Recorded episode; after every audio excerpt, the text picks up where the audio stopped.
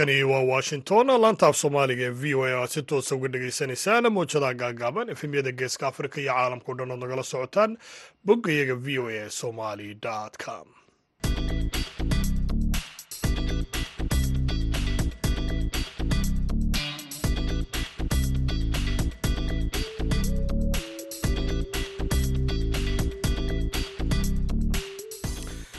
duhur wanaagsan dhammaantiinma dhegaystayaal meel kastoo aad joogtaanba waa isniin taariikhduna ay tahay saddex iyo labaatanka bisha januari ee sannadka laba kun iyo saddex iyo labaatan idaacadda duhurnimo ee barnaamijka dhallinyarada maantana waxaa halkan idinkala socodsiin doona aniga oo ah cabdixakiin maxamuud shirwac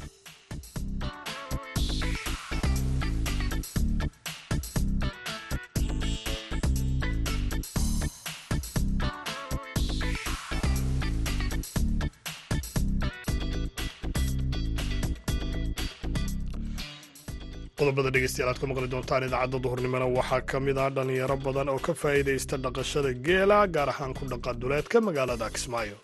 Geela horta xilliga oo guga uu dhaco ayaa halkan la keenaa. Xilliga barwaaqada ah xilliga kaloo jilaalka u jirna waxaa la geeya meelaha hawdka ah. Xilliga meeshan barwaaqada oo magaalada soo dhawaana caanihiisa halkan lagu iibiyaa.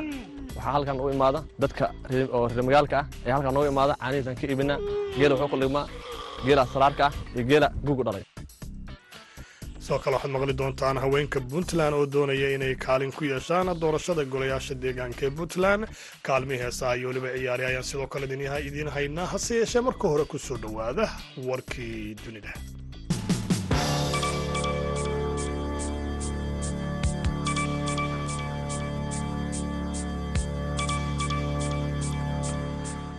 Ra'iisul wasaaraha dalka poland mattias morawiki ayaa maanta sheegay in dalkiisu uu ogolaanshiyo weydiisan doono dalka jarmalka si ay kaarayaasha loo yaqaano lebard ugu diraan dalka ukraine. Morawiki ayaan caddaynin xilliga ay codsigaasi samayn doonaan hase yeeshee waxa uu xusay in dalkiisa poland ay dhisayaan waddamo xulafa ah oo diyaar u ah inay diraan kaarayaashaasi lebard isagoo sheegay in xataa haddii aanu jirin ogolaanshiyo laga helay jarmalku dalkiisu u qaadan doono go'aanadiisa isagoo aan go'aanadaasi faahfaahin geysta kalena wasiirka arrimaha dibadda dalka jarmalka annalena barek ayaa telefishin laga leeyahay dalka faransiiska oo lagu magacaabo l c i axaddii u sheegtay in dalka poland aanay si toosa u soo weydiisan dalkeedu inuu u ogolaado inay bixiyaan qayb ka mida kaarayaashaasi jarmalka lagu sameeyey ee lebard iyadoo intaasina sii raacisay in haddii la weydiisto aanay jidkaasi hor istaagaynin.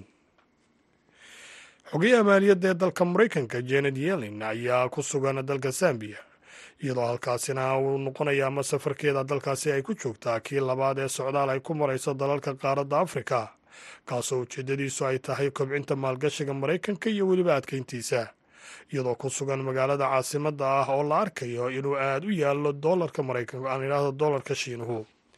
Dadka soo booqanaya magaalada lusaka ayaa ka soo dega garoonka diyaaradaha ee kenneth counter oo la arkayo adeegyada lagu ballaadhiyey sannadkii laba kun iyo shan iyo tobankii dhaqaalaha shiinaha.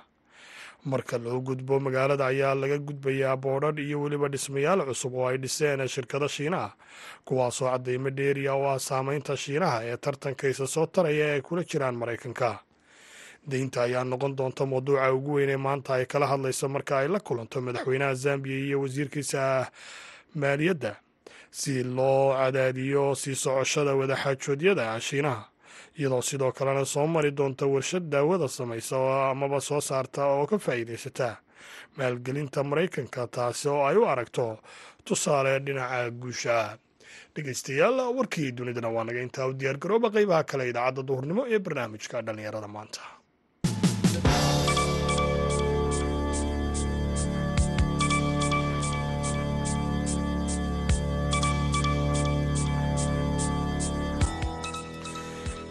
aan ku bilownay magaalada kismaayo waxaa muddooyinkan dambe ku soo badanaya dhallinyarada ka ganacsada caanaha geela iyagoo ganacsado kala duwan oo badan ay bilaabeen gaar ahaan ay isu dayeen dhallinyaradaasi inay ganacsigooda u leexiyaan dhinaca geela gaar ahaan iyagoo dhallinyaradu ku dhaqay duleedka magaalada kismaayo kana sameeya xeryo lagu dhaqo xoolaha gaar ahaan geela si ay dhaqaalo badan uga sameeyaan ka ganacsiga caanahooda. Iyadoo bulshada kismaayana ay noqdeen kuwo u badan oo islamarkaana yimaada caanahaasina kana iibsada. Haddaba maxaa xilligan keenay in ay kordhaan tirada dadka ka ganacsada caanaha geela bulshadana ay cabitaankooda amaba dhammitaankoodaasi ay badsadaan. Warbixin arrintaasi ku saabsan waxaa kismaayo nooga soo diray waryahayaga aadan maxamed salaad. Geela waxauu ka mid yahay xayawaanaadka ay dhaqdaan dadka soomaaliyeed iyadoona maalinba maalinta ka dambeysa ay sii kordhayaan tirada dadka cabaya caanaha iyo kuwa ka ganacsanaya caanaha geela. Sidoo kale ganacsatada badankood ayaa u waaciyey ganacsigooda in ay ka ganacsadaan geela oo ay dhaqdaan kuwaas oo xerooyin ka samaystay duleedka magaalada kismaayo si ay ugu fududaato in ay ganacsiga caanaha geela ay ku keenaan magaalada kismaayo. Maalmihii dambe magaalada kismaayo waxaa si weyn ugu sii kordhayay tirada dadka ka ganacsanaya caanaha geela iyo sidoo kale kuwa cabaya farxaan cumar xaashi wuxuu boqolol geelahay uu ku dhaqdaa duleedka magaalada kismaayo oo aan ku booqday isagoo ii sheegay in uu leeyahay macaamiil aad u tiro badan kuwaasoo isugu jira kuwa halkaasi u taga in ay caanaha cabaan iyo kuwa guryahooda loogu geeyo taasoo uu sheegay in dhaqaale aad u tiro badan uu ka sameeyo ganacsiga caanaha geela islamar ahaantana uu faa'iido badan ka helo waxaana uu sharaxayaa faa'iidada dadka ay ka helaan cabidda caanaha geela oo waayadan dambe tirada dadka caba iyo kuwa ka ganacsada ay sii kordhayeen.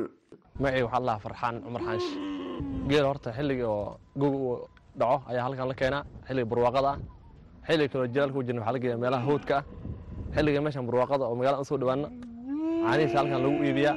Waxaa halkan u imaada dadka oo reer magaalka ah ayaa halkan nooga imaada. Caanihiisaan ka iibinaa geela wuxuu kaldhigmaa geela salaarka ah iyo geela gugu dhalay ayuu kaldhigmaa dadka magaalada noo imaadon caanahan ka iibsanaa. Halkan waxaa la yidhahdaa meesha la jeereley iyo intuu dhexaysa baarcalay qaarna wayna soo wacoon oo telefoonana iga soo wacoon qaarna ayuu iska socda imaana kuwaasa caanaha ka gadanaa. Marna kuwa wayna soo wacoon kastama wey nin walba intuu rabo ayaa horta laga iibiyaa. Qajaclaha arkaysa qajaclahaas waxaa la iibiyaa laba doolar saddexlahna waa wey afar doolar weye ninkii raba hashi markii ayadoo taagan caanaheeda inuu arko loo maalo ayuu kolol u cabo inuu ku qorad baxo calooshiisana socoto sida cudurka gaas oo kale qarastoo kale dadka macnaha magaalada badanaa xog imaanayan qarasta dadka haysta ayaa imaada miyiga caanaha cabo inkastoo dhaqaalo badan laga sameeyo ganacsiga caanaha geela oo maalmahan magaalada kismaayo si weyn ugu badanayay haddana waxaa la sheekaystay qaar ka mid ahi dadka u dalxiistaga duleedka kismaayo ee caanaha ka soo iibsada waxaana ay ka sheekaynayaan waxyaabaha ay ka faa'iidaan in caanaha ay isticmaalkoodu ay badsadaan.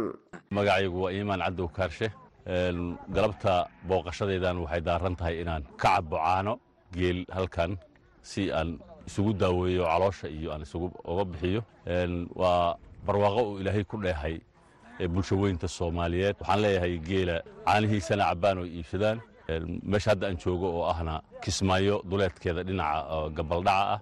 Magacay waxaa la dhahaa cumar cabdi xasan geelan hade waad aragtaan oo waa geelan barwaaqada jooga caanaha laga maalo. Geelan waxaa la dhahaa imaal baa la dhahaa caanahan iyo geelan meesha lagu dhaqaa. Caanaha geela fitaamiino badan baa laga helaa. Waxyaabo badan buu ka dawo yahay. Saaad ogtihiin geelu wuxuu cunaa geedo fara badan. Marka caanihiisu waa daawo. Ganacsiga caanaha geela oo markii hore lagu yaqaanay haweenka in ay iibiyaan ayaa hadda waxaa magaalada kismaayo ku soo badanaya dhallinyarada ka shaqaysta caanaha geela iibkooda kuwaasi oo gaadiid ku soo qaada caanaha kuna iibiya hareeraha waddooyinka. Haddaba maxaa sabab u ah in ay kordhaan tirada dadka caba caanaha geela iyo kuwa ka ganacsada? Waxaan su'aashaasi hordhigay bare salaad axmed barre garweyne oo ka mida dadka geela dhaqdaa ama dadkii oo dhanba caanaha iyo mataqaanaa ka ganacsigooda iyo cabbitaankooda iyo manaafacaadsigooda ay u bataan waxaa waaye dadkii soomaaliyeed oo dantooda bartay oo dantooda gartay. Mana aha waxyaabaha maanta laga wada xarbinaaya mataqaanaa caanaha kaliya waxaa kale oo sugunta ku jira sidii digirta masigada iyo gallaydoo kale. Dadka waxay soo celiyeen noloshoodii hore waayo waxyaabaha dadka ka bixi waaye waxaa waaye dhiikar iyo sokor iyo dhibaato. Marka dadkiibaaba iska jeclaadiba ama dadkii da'da ahay ama dadkii yaryarahay inay cunaan caanihii geela iyo masagadii inay cunaan ayaka ayaa iska jeclaaday caafimaad xaggiisaaba loo cunaa noloshiina waa la gashay. Dadka badankiis waxay kuu sheegayaan in caafimaad ahaan ay u cabayaan caanaha geela haddaba maxay tahay waxtarka dadka u leeyahay caanaha geela oo la cabaa waxaa su'aashaasi aan weydiiyey dor jabra xasan aadan oo ka mid a saraakiisha caafimaadka ee ka howlgala xarunta caafimaadka ee naalo boli clinic islamar ahaantana ka mid a saraakiisha caafimaadka ee cisbitalka weyn ee magaalada kismaayo. Qofkii laazima inuu caanaha geela cabo faa-iidooyin badanay leeyihiin oo dadka qaba sonkorta oo kale caanaha geela waxaa ku yar sonkorta ku yar low level of sugar waaye qofka qaba diabetiga oo kale way u fiican yihiin. Sidoo kale caanaha geela calciumaa ku jirta lafay adkaysaa waa geela waxyaabaha kheyraadka ilaahay wadankeena ku manaystay waaye. Bulshadana hadda waayadan dambe ay ku soo baraarugayaan isticmaalkooda. Si kooban halkii galaas oo caano geel ah haddaad rukumato ama cabto maalin kasta waxaa ka helaysaa dhaayid isu dheelitiran oo ay ku idil yihiin dhammaan cunooyinka nafaqada u leh jirkeena. Tusaale halka galaas waxaa ka helaysaa boqol iyo shan kalori waxaa ka helaysaa afar garaam oo faad ah. Caanaha geela oo markii hore bulshada aysan dhaqaalo badan ka samayn jirin misna aysan cabi jirin badankood sida hadda loo cabo marka loo eego ayaa haatan waxaa magaalada kismaayo ay noqotay halka keliya ee sida weyn looga ganacsado misna dadku ay cabaan. Dadka qaarkiina ay dhaqaalo ka sameeyaan caanaha geela. Aadan maxamed salaad v o a magaalada kismaayo waagaag dhegeystayaal aadan aad iyo aad buu mahadsan yahay. Sheekooyin kale oo la xidhiidha arrimaha dhallinyaradu way noo soo socdaane haatan aynu ku wada nasanno dhinacii kaalmaha hees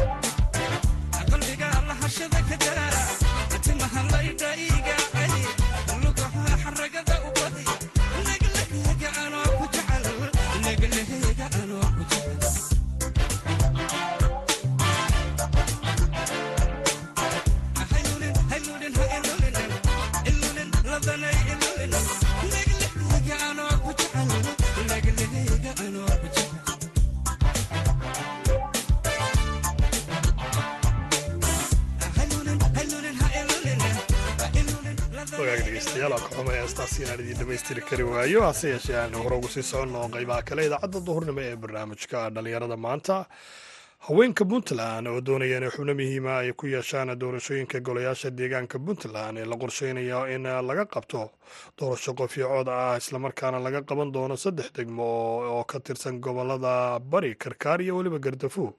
Waxaana haweenka hadda fursad ay kaga mid noqon karaan xubnaha muhiimka ah ee dimuqraadiyaddaasi ay u arkaan inay fursad u noqonayso dimuqraadiyaddu saarakiin cabdi xirsi wasiir ku-xigeenkii hore wasaaradda haweenka puntland ayaa u sheegtay weriyaha v o a boosaaso yuusuf maxamuud yuusuf in haweenka ay markii hore caqabad kala kulmi jireen hanaanka qabaa'ilka. Balse tan dimuqraadiyadda ay ka rajaynayaan inay tartan ugu galaan sidii ay xubno muhiima ugu yeelan lahaayeen dimuqraadiyadda curdinka ee puntland iyadoo haweenkana ugu baaqday inay u tartamaan golayaasha deegaanka si ay uga helaan matalaad waa mahadsan tahay yuusuf garaad. Haddii aan ku bilaabo doorka haweenka runtii waa door aad maarata loogu hanweyn yahay muuqda ilaa hadda sida hawsha ku socota diiwaangelinta marka loo eego iyo dardarkay haweenka ugu jiraa maarata inay ka qayb galaan barnaamijkan. Haweenka mid dangaar baa ugu jirta haddaad eegtid maanta siyaasadaha iyo matalaada meesha ay ka taagan yihiin maanta puntland iyo soomaaliyaba marka doorka waa fiican yahay rajada waa fiican tahay sidaa sheegto waa curdan barnaamij curdan oo hadda maarata la sameeyey. Lagana yaabo maarata xoogaa caqabad inay dhici karaan laakiin sida hadda wax noogu socdaan ilaa haddaba dhinaca fiican noogu socdaan rajadeena waa fiican insha allah gabdho badan oo matalaad bulshada inaan helno. Fursad intee la-eg baa ugu jira marka haweenka gaar ahaan magaalada basas waxaa ka soconaya diiwaangelinta doorashada golayaasha ee deegaanka ee heer degmo. Marka door intee la-eg bay haweenku hadda ku lahaayeen marka loo fiiriyo diiwaangelinta ka soconaysa magaalada bosaas sida hadda muuqato inta ilaa hadda isdiiwaangelisha tirakoobka weli ma hayo laakiin sida la saadaalinayo ee horena u dhacday oo maadaama labadii saddexdii maaragtay magaalo ee la soo tijaabiyey ay ugu badnaayeen intii isdiiwaangelisha dumar.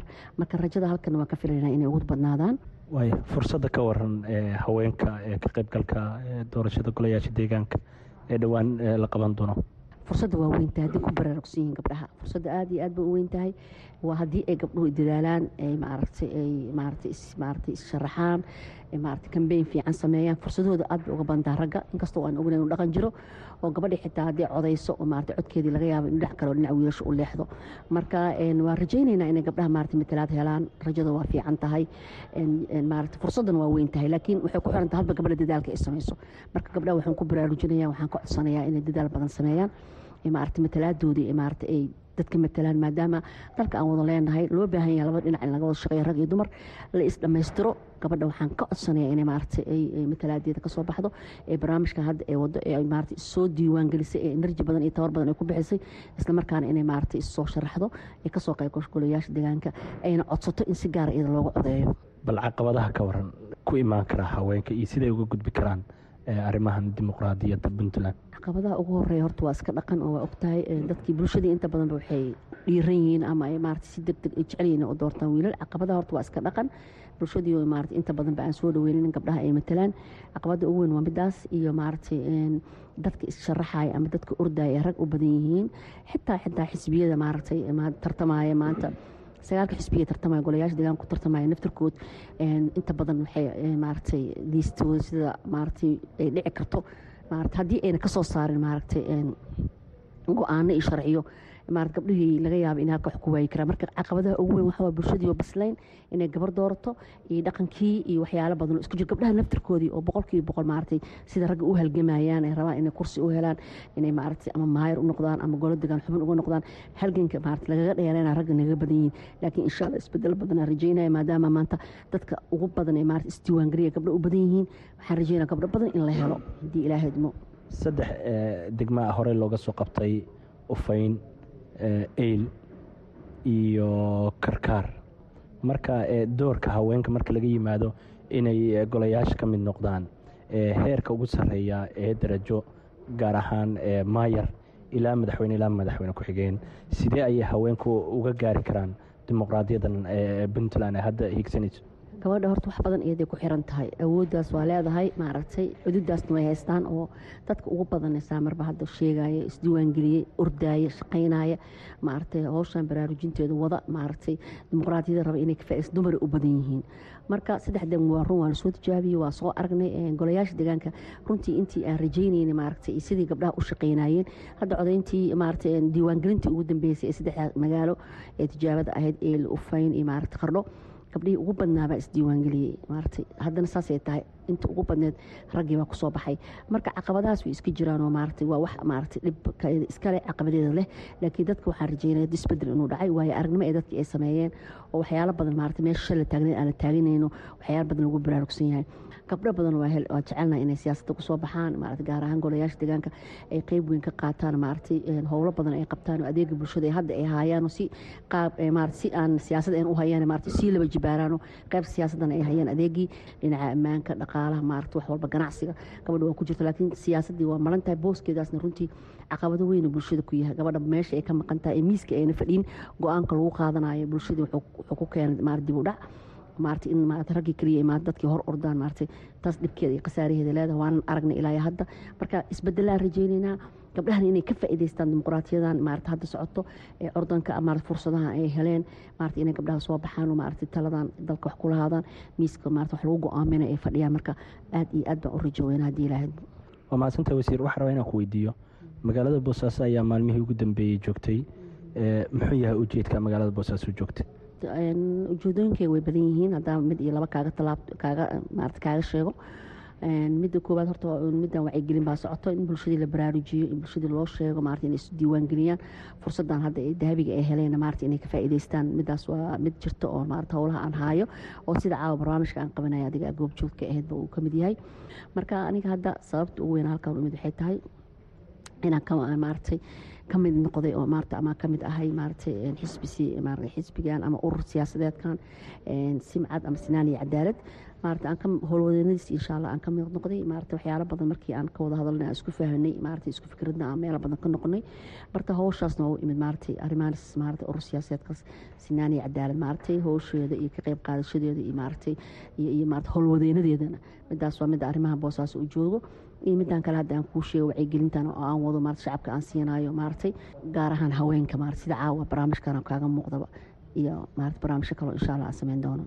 Waay waxaad waraysigeena ku jiray ama hadalladaada ku jiray in ururada durba ay sameeyeen xulasho cidda uga mid noqonaysa golayaasha deegaanka ama u tartamaysa.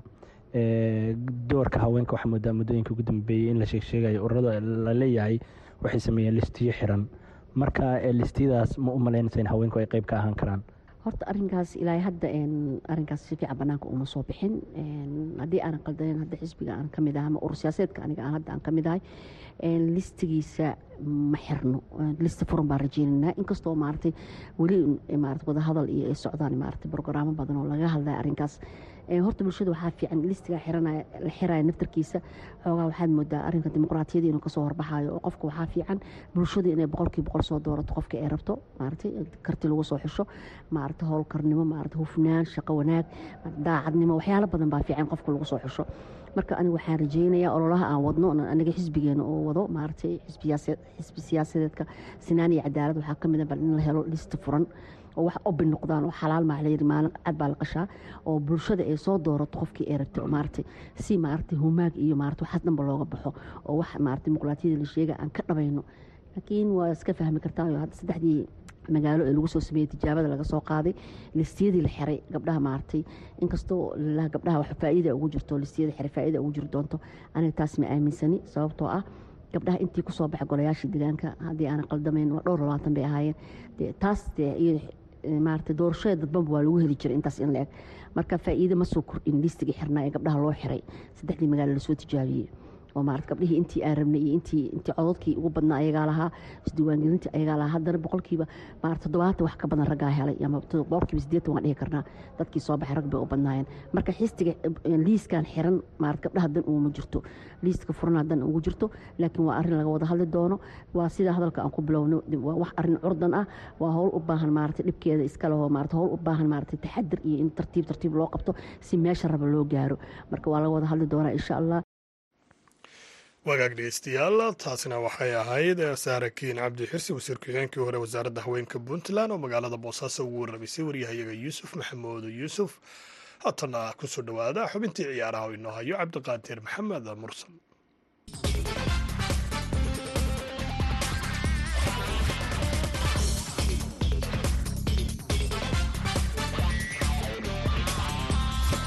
kulanti wanaagsan dhegaystayaal ku soo dhowaada xubinteennii cayaaraha. Aan ku bilownay dhinaca iyo dalka ingiriiska kulamo ka tirsan horyaalka premier leaga ayaa xalay la ciyaaray iyadoo kulankii ugu adkaa toddobaadkana uu dhex maray kooxaha arsenal iyo manchester united.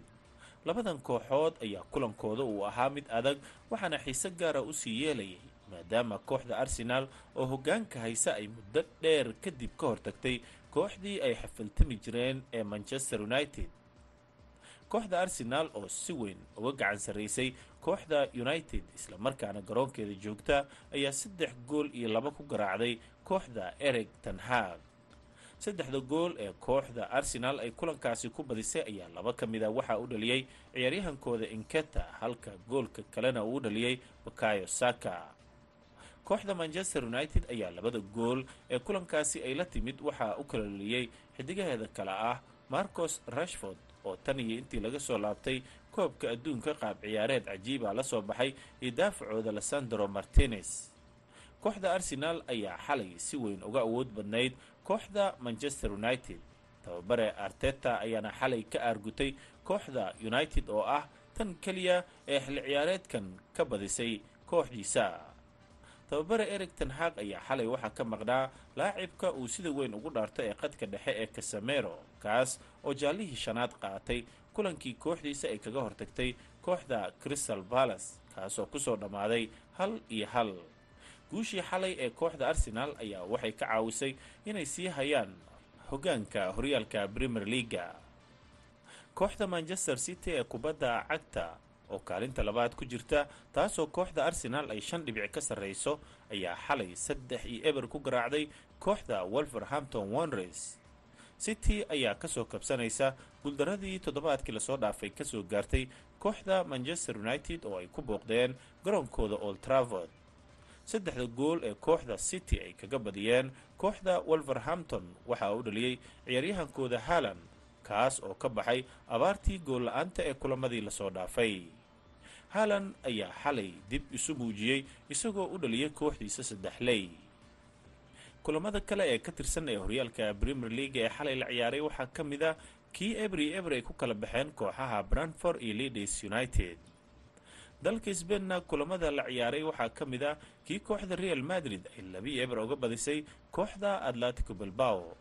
Barcelona oo horyaalkaasi hogaaminaysana waxay hal iyo eber uga badiyeen kooxda khitaaf ilja iyo osasuna oo wada ciyaarena hal iyo hal ay ku kala baxeen halka villareal ay hal iyo eber uga badisay kooxda khirona dhinaca dalka talyaanigana kooxda yuventus ee kubadda cagta ayaa barbaro saddex iyo saddex waxay isla dhaafi waayeen kooxda atlanta romana waxa ay labii eber uga badisay kooxda sbesia halka kooxda kale ee monza ay hal iyo hal isla dhaafi waayeen kooxda sisolo udineza waxa ay hal iyo eber uga badisay kooxda samdoria horyaalka siraaga ee dalka talyaaniga ayaa sanadkan waxaa hogaaminaysa kooxda napoli oo mar keliya laga badiyey kooxda napoli oo ku jirta qaab ciyaareed cajiib ah ayaa sidoo kale hal guuldarro kala kulantay qaaradda yurub.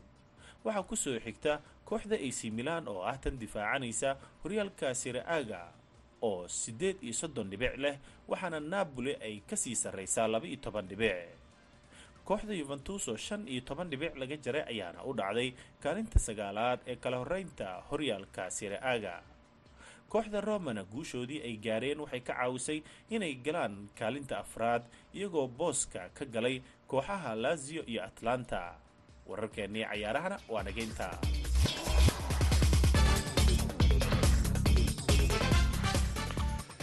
xubintaasi ciyaarahan waxay nala socodsiinayay cabdiqaadir maxamed mursal samakaab gabagabada idaacadda ayaynu dhegeystayaal maraynay haatana aynu mar kale dib u jalleecno dhinacii kaalmaha heesaha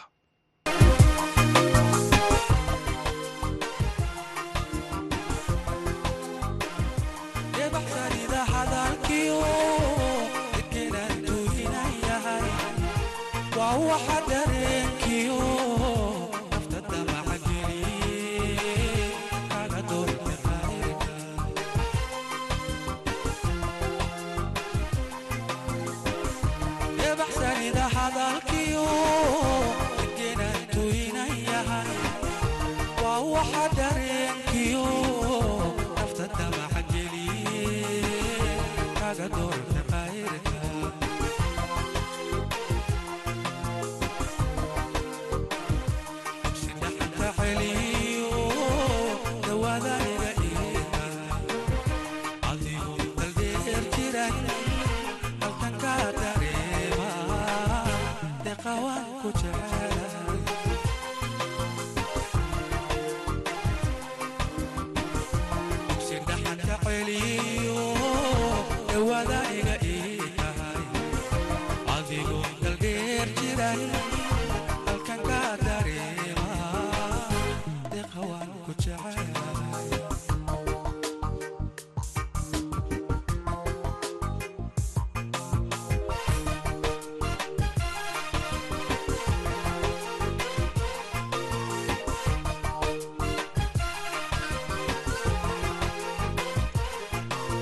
heestaasi deeqa ayaana dhegaystayaal ugu dambeysay? Codkiisa inagu soo gaarsiinaya lafoola idaacadii duhurnimo tan iyo kulanta dambe dhammaantiin waxaan leeyahay sidaa nabadgelyo